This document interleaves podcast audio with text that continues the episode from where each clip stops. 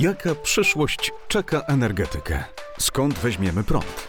Ile za niego zapłacimy? Dziennikarze WNP.pl co środę rozmawiają o tym ze znanymi osobami z branży i ekspertami. Posłuchaj podcastu Energetyczne Środy z Tauronem.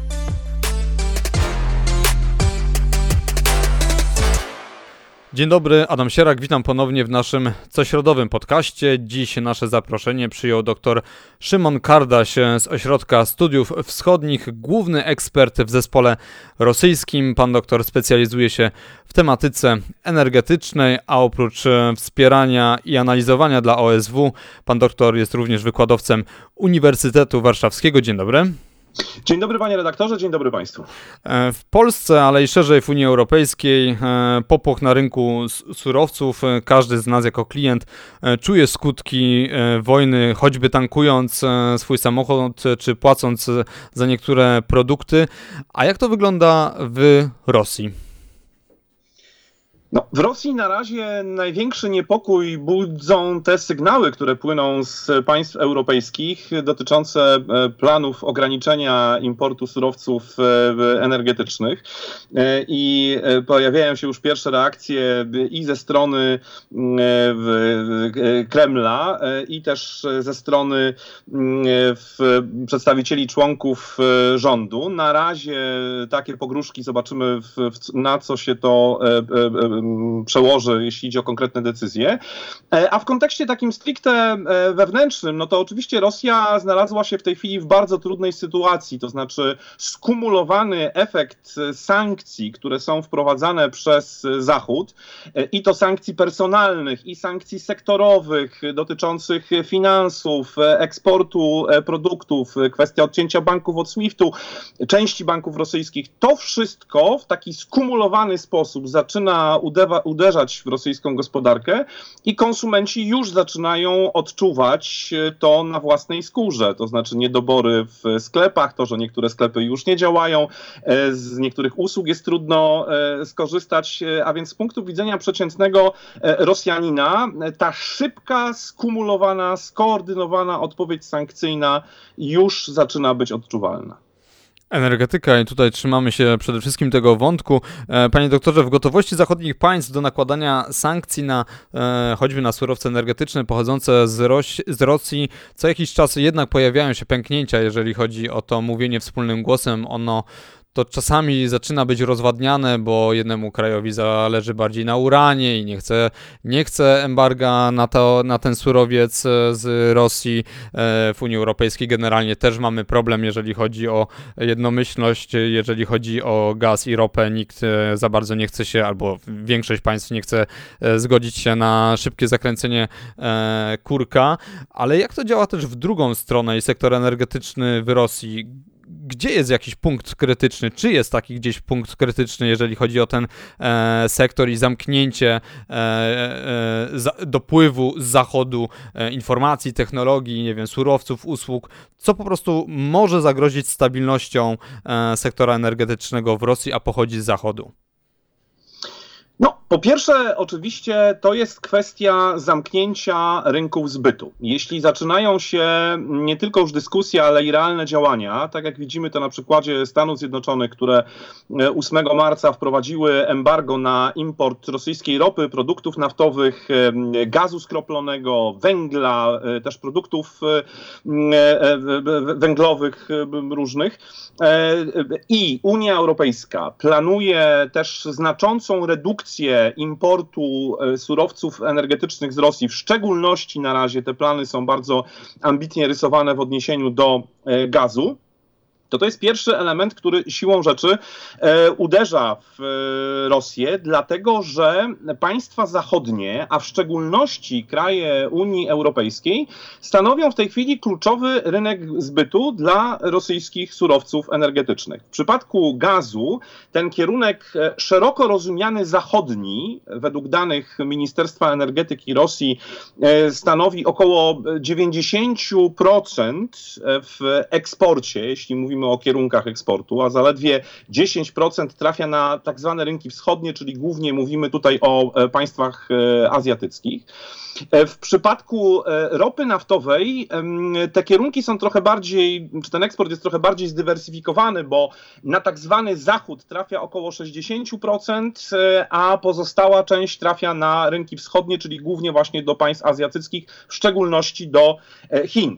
Ale z, te, z tej układanki wynika, że nadal właśnie ten kierunek zachodni, on stanowi tutaj dominującą e, pozycję. W związku z tym jakiekolwiek ruchy poważniejsze, które e, pojawiają się po stronie państw zachodnich, a jeśli one pojawią się właśnie po stronie państw członkowskich Unii Europejskiej, siłą rzeczy będą uderzały w, w interesy Federacji Rosyjskiej. Bo pamiętajmy, że te wpływy do budżetu państwa, które generuje sektor naftowo-gazowy, w, w, tak całokształcie, e, stanowią według danych statystycznych za rok 2021 około 36% e, e, wpływów, więc to jest dość, dość poważna sprawa. Jeśli idzie o eksport, to jest około 50%, tak? Wartość Rosji, na, na wartość rosyjskiego eksportu w 50% składa się właśnie eksport surowców energetycznych. Po drugie, to co się dzieje oczywiście jest też niebezpieczne z punktu widzenia rozwoju tego sektora, jeśli idzie o dostęp do nie tylko e, kapitałów, ale przede wszystkim do technologii. I tutaj chciałbym zwrócić uwagę na taki bardzo newralgiczny e, sektor, jakim jest e, rozwój projektów LNG dużej skali w Rosji. E, w Rosji w tej chwili działają dwa tak zwane terminale LNG dużej skali. Jeden na Dalekim Wschodzie, on się nazywa Sachalin 2, drugi Jamał LNG, który działa w europejskiej części Rosji. E, kolejne terminale są budowane, tak jak arktyczny LNG 2 e, i, i jeszcze wiele innych terminali jest planowanych. I problem rosyjski polega na tym, że nie mają Rosjanie własnych technologii produkcji LNG w, właśnie w ramach tych zakładów takich dużej skali. Oni jedną taką technologię opracowali ona się nazywa Arktycki Kaskad, ale kiedy ją uruchomiono w ramach jednego z projektów, to okazuje się, że ona nie jest tak efektywna, jak zakładano i, i nie stanowi dobrej substytucji dla e, tych technologii, które pozyskiwane są e, na Zachodzie. Więc w momencie, gdyby ta pogłębiająca się izolacja i wycofywanie się ważnych partnerów zagranicznych oznaczała też właśnie ograniczenie w dostępie do e, tych ważnych technologii, to to może mieć bardzo poważne implikacje dla rozwoju tego segmentu. Innym newralgicznym obszarem jest na przykład kwestia zagospodarowywania tak zwanych e, trudnych złóż, czy złóż zlokalizowanych w takich trudnych e, przestrzeniach geograficznych w Rosji. W szczególności mam tu na myśli złoża naftowo-gazowe na szelfie arktycznym, gdzie też to są projekty potencjalnie bardzo kosztowne, ale też wymagające specjalistycznych technologii i wiele partnerstw, które rosyjskie koncerny energetyczne zawierały przez lata, jeszcze zanim w ogóle doszło do nawet do aneksji Krymu, one były ukierunkowane na to, żeby właśnie w ramach tej współpracy pozyskiwać niezbędne technologie konieczne do zagospodarowywania tych trudno dostępnych złóż. A więc tutaj też ta bariera taka technologiczno, e, technologiczna, ona też będzie e, dla Rosji e, poważnym wyzwaniem.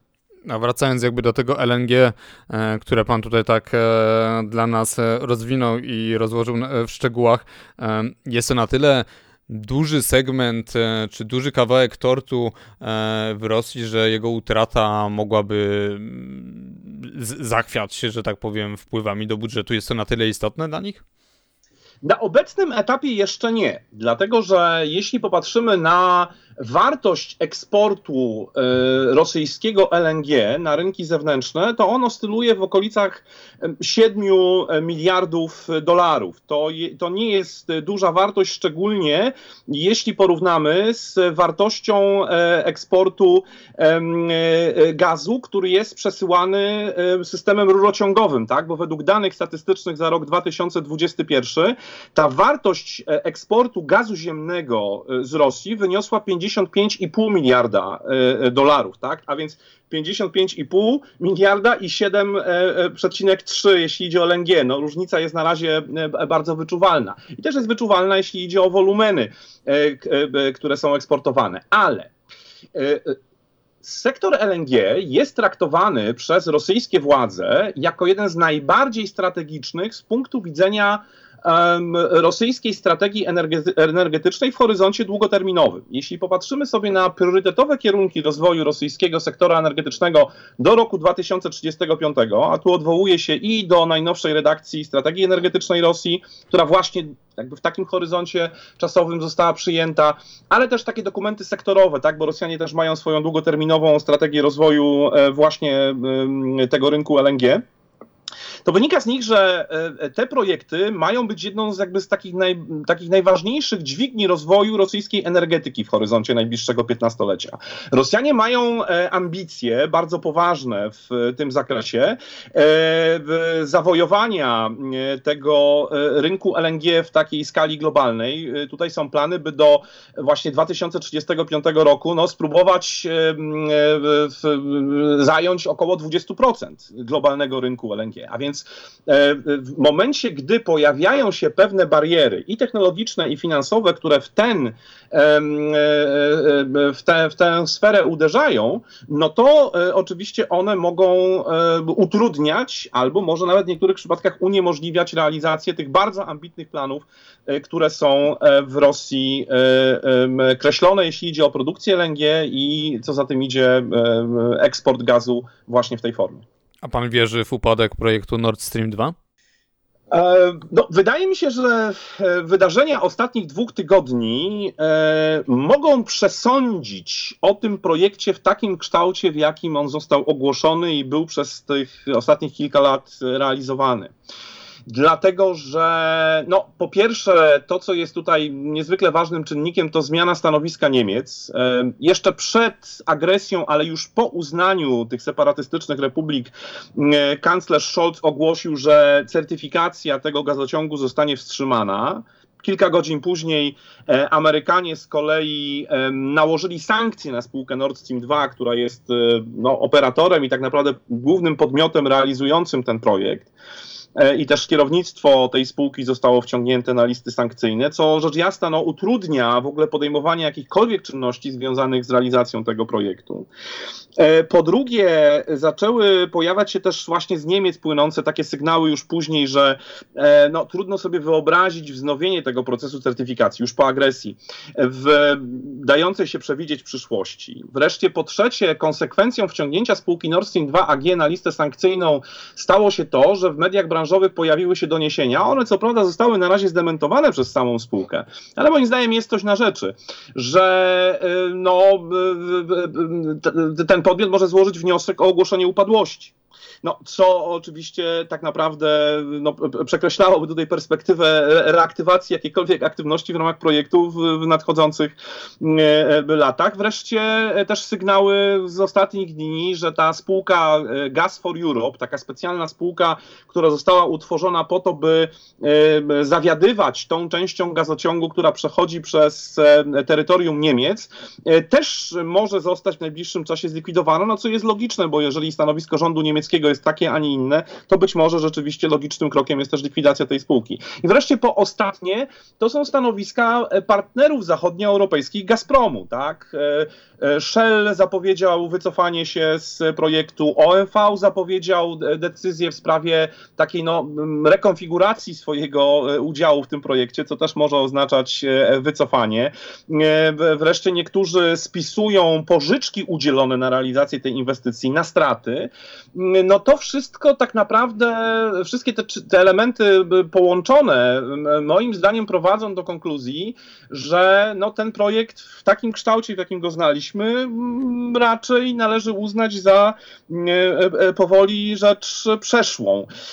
Oczywiście nadal otwartym pozostanie pytanie, co się stanie z tą infrastrukturą, tak, która została wybudowana, leży na, na dnie Bałtyku, ale niezależnie od przyszłości samej tej infrastruktury, to mam wrażenie, że w najbliższych latach powrót do jakiejś formy reaktywacji Nord Stream 2 ze względów politycznych głównie będzie bardzo trudny. Państwa europejskie e, no nie chcę powiedzieć, że rzuciły się, ale spojrzały przychylnym, bardziej przychylnym okiem w inwestycje w e, gazoport, e, w gazoporty. Nasza część Europy, jak również te wschodnie państwa nadbałtyckie inwestują w gazoporty od dłuższego czasu, chociaż w, naszym, w naszej sytuacji też doszło do pewnego przyspieszenia. Głównie mam na myśli pływający gazoport w Zatoce Gdańskiej, który to projekt był procedowany, ale teraz politycznie został przyspieszony przez Radę, Radę Ministrów. Niemcy zapowiedziały ogromną inwestycję w tego typu e, infrastrukturę. Nie zmienia to faktu, że to są inwestycje rozpisane na lata jeszcze. E, no więc pytanie, czy tak naprawdę to jest też jakaś droga, która, e, jedyna droga, która e, Europie daje szansę na uzależnienie się, uniezależnienie się od rosyjskiego gazu? Czy gazoporty po prostu to jest jedyna ścieżka rozwoju? E, to jest jedna z ważniejszych ścieżek, niewątpliwie. I zresztą, jak popatrzymy na plany Komisji Europejskiej, które zostały ogłoszone wczoraj, czyli 8 marca, to e, w właśnie wykorzystaniu potencjału terminali LNG przypisuje się dużą rolę w kontekście e, tego zmniejszenia zależności od importu rosyjskiego gazu, nawet w takim no, krótkim horyzoncie, e, jakim jest bieżący rok, tak? Znaczy możliwość wykorzystywania tych mocy, które są w dyspozycji. Co więcej, jeśli popatrzymy na te deklaracje, które się pojawiały już po rozpoczęciu, czy pojawiły po rozpoczęciu rosyjskiej inwazji, inwazji na Ukrainę. W szczególności mam tutaj na myśli deklaracje płynące z Niemiec, tak, że planowana jest właśnie budowa e, e, e, terminali LNG, które mają być takim środkiem zmniejszającym zależność. No to są oczywiście sygnały bardzo pozytywne. Inne kraje, które już mają działające mm, terminale LNG, tak jak na przykład Polska, też oczywiście planują tutaj rozbudowę tych mocy albo planują wręcz zaopatrzenie się w nowe jednostki pływające, za pomocą których można by regasyfikować gaz sprowadzany z państw trzecich. I to są wszystko oczywiście bardzo pozytywne sygnały, ale jednocześnie ja zawsze te momenty, kiedy e, e, intensyfikuje się dyskusja w sprawie zmniejszania zależności dostaw gazu z Rosji, czy też w ogóle surowców energetycznych z Rosji, e, zawsze zderzam też z takimi twardymi realiami, jeśli idzie przede wszystkim o istniejące, obowiązujące zobowiązania kontraktowe, tak? Bo my musimy pamiętać o tym, że niezależnie od tego, co na poziomie politycznym jest promowane czy wskazywane jako kierunek strategiczny i, i, te komunikaty, które płyną z Brukseli są na razie przede wszystkim takim ważnym sygnałem politycznym, tak, czy w ramach polityki energetycznej, ale to nie Bruksela kontraktuje dostawy. Znaczy, finalnie dostawy kontraktują firmy energetyczne z poszczególnych państw członkowskich.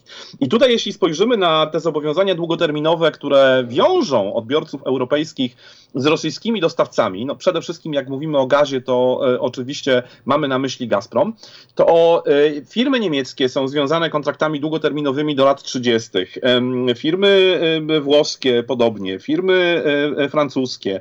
Mamy wreszcie kraje członkowskie Unii Europejskiej, które całkiem niedawno zawarły nowe długoterminowe kontrakty na dostawę gazu i nic nie wskazuje na to, żeby miały się z nich wycofywać.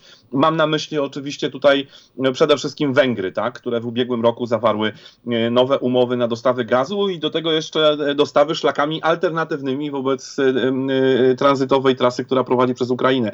A więc oczywiście reasumując, sam kierunek y, zmian, sam postulat, który się pojawia w tak newralgicznym momencie, postulat dywersyfikacji źródeł dostaw surowców jest ważny.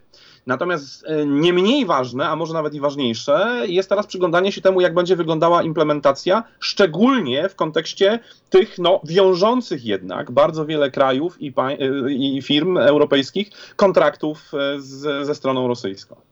To na koniec naszej rozmowy chciałem Pana zapytać o, o, o Chiny i wątek e, współpracy, strategii e, energetycznej Rosji w tym, w tym kierunku. Krótko przed wojną, wybuchem wojny 4 lutego podczas wizyty e, Władimira Putina Gazprom podpisał, e, wizyty w Chinach, Gazprom podpisał e, z, z, swoim odpowiednikiem, odpowiednikiem chińską spółką długoletni e, kontrakt Chiny pokazywane są generalnie jako taka jakaś przeciwwaga w tych relacjach gospodarczych, przeciwwaga do kontraktów z zachodnią Europą dla Rosji, ale czy faktycznie ta, ta, ta, ta umowa gazowa i ta współpraca z Chinami to jest coś mm, co pozwoli, że tak powiem, Rosji nie patrzeć e, e, w, w kierunku Europy Zachodniej e, i pozwoli zarabiać w Chinach podobne pieniądze, a w ten sposób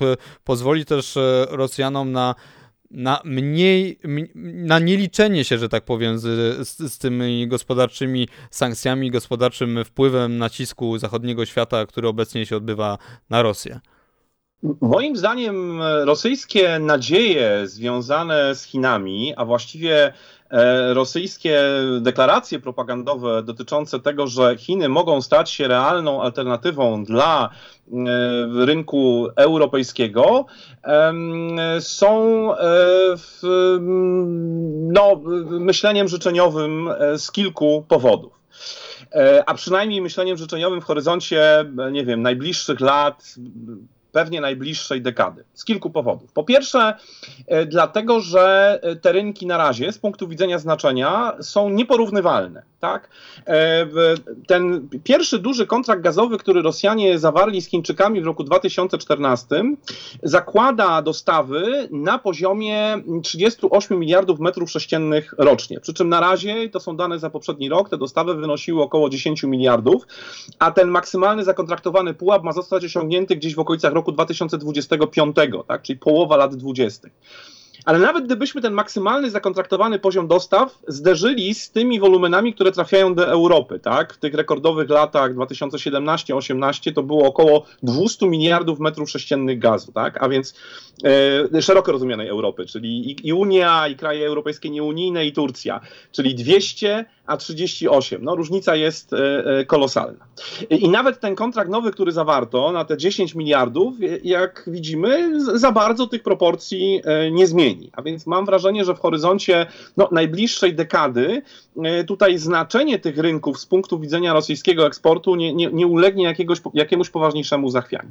Po drugie, to co jest dla Rosjan poważnym problemem i, i nie, nie pozwalającym na to, żeby no, myśleć o Chinach jako takiej szybkiej i łatwej alternatywie dla, dla Europy, to jest to, że rosyjska sieć gazowa ta, która jest rozwijana na wschodzie z jednej strony i z drugiej strony ta, która istnieje od wielu, wielu lat na zachodzie, one nie są ze sobą połączone. Innymi słowy, e, te dostawy, które są realizowane w tej chwili na rynek chiński, one są zaopatrywane ze złóż wschodnio-syberyjskich, które e, nie są połączone w żaden sposób z europejską siecią gazową, e, a też do tego trzeba dodać, że złoża zachodnio-syberyjskie z kolei i te też jamalskie, z których zaopatrywana jest Europa, nie są połączone w żaden sposób z tą siecią, która umożliwiałaby w tej chwili dostawy do Chin. Rosjanie bardzo by chcieli zrealizować taki jeden ze swoich strategicznych, sztandarowych projektów, który proponują Chińczykom od lat, E, kiedyś on się nazywał Auta i teraz się nazywa Siła Syberii 2, czyli wybudowanie jeszcze jednego nowego gazociągu. W tej nowym wariancie on miałby biec e, z Rosji przez Mongolię do Chin, który pozwoliłby właśnie na połączenie tych dwóch sieci. Ergo pozwoliłby na to, by no, szantażować Europę, że jeżeli będą rezygnować Europejczycy z dostaw e, z Rosji, no to będziemy je przekierowywać z tych samych złóż na rynek chiński. Ale na razie fizycznie takiej możliwości nie ma, bo nie istnieje infrastruktura. I wreszcie trzeci powód, który e, utrudnia realizację tych rosyjskich planów i marzeń, e, to są, e, znaczy to jest kwestia tego, jakiego rodzaju partnerem negocjacyjnym są Chiny. Chiny są bardzo trudnym partnerem negocjacyjnym. I tak naprawdę, jeśli śledzimy całą historię realizacji tych projektów energetycznych, a szczególnie w sektorze gazowym między Rosją a Chinami i te wieloletnie negocjacje, to zawsze, kiedy dochodziło do finalizacji umów, one odbywały się bardziej na warunkach dyktowanych przez Chińczyków niż na warunkach, e, e, które były, no, tak powiem, priorytetowe z punktu widzenia rosyjskiego, tak? Bo nawet jak popatrzymy na ten pierwszy duży projekt, który został zrealizowany, czyli gazociąg Siła Syberii 1, to nie był projekt preferowany przez Rosjan. Rosjanie właśnie byli bardziej zainteresowani realizacją tego projektu Autaj, który potem przechrzcili na Siła Syberii 2, no bo on dawałby dałaby im lepszą pozycję negocjacyjną. No, wyszło ostatecznie po myśli Chińczyków. Tak samo ten nowy kontrakt, tak? Rosjanie też mówili, że owszem, jesteśmy gotowi zawrzeć e, nowy kontrakt na dostawy e, gazu do Chin z tak zwanego dalekiego wschodu Rosji, ale dopiero po tym, jak porozumiemy się co do kontraktu na siłę Syberii 2. No i co się okazało? Okazało się, że zawarto wcześniej kontrakt na, na dostawy z Dalekiego Wschodu, a siła Syberii 2 jest cały czas jakby tematem, w, no, będącym przedmiotem negocjacji. Więc Chińczycy są bardzo trudnym partnerem, którzy narzucają taką, e, e takie warunki tej współpracy w sektorze gazowym, no, e, który nie, nie, do końca odpowiada opcjom preferowanym przez Rosjan. I mam wrażenie, że jak podsumujemy te, ca, jakby całokształt uwarunkowań e, rozwoju współpracy gazowej rosyjsko-chińskiej, E, to w horyzoncie najbliższej dekady myślę, że niewiele się zmieni, jeśli idzie o strategiczne znaczenie rynku europejskiego z punktu widzenia Rosjan. Dlatego mam wrażenie, tak bardzo mm, ich mm, muszą niepokoić te sygnały, które w tej chwili płyną z Brukseli i niektórych stolic europejskich co do właśnie mm, takiej decyzji politycznej o zmniejszaniu zależności e, dostaw gazu e, z Rosji, bo dla Rosji rynek europejski jest i mam wrażenie, że w horyzoncie najbliższej dekady zachowa strategiczne znaczenie. No i to były 25, e, to było 25 cennych minut, e, gdzie pan doktor rozrysował nam ze szczegółami sytuację energetyczną Rosji. Jak widzimy, na szczęście nie jest ona taka różowa, jak się niektórym wydaje. Doktor Szymon Kardaś z Ośrodka Studiów Wschodnich, wykładowca Uniwersytetu Warszawskiego był gościem naszego energetycznego podcastu cośrodowego, cyklicznego. Panie doktorze, serdecznie dziękuję. Dziękuję bardzo. A Państwa zapraszam do słuchania kolejnych odcinków e, i do komentowania tego. Do usłyszenia. To był podcast Energetyczne Środy z Tauronem. Masz pomysł na nowy odcinek? Chcesz wyrazić opinię o naszym projekcie? Napisz na adres podcasty małpa wnp.pl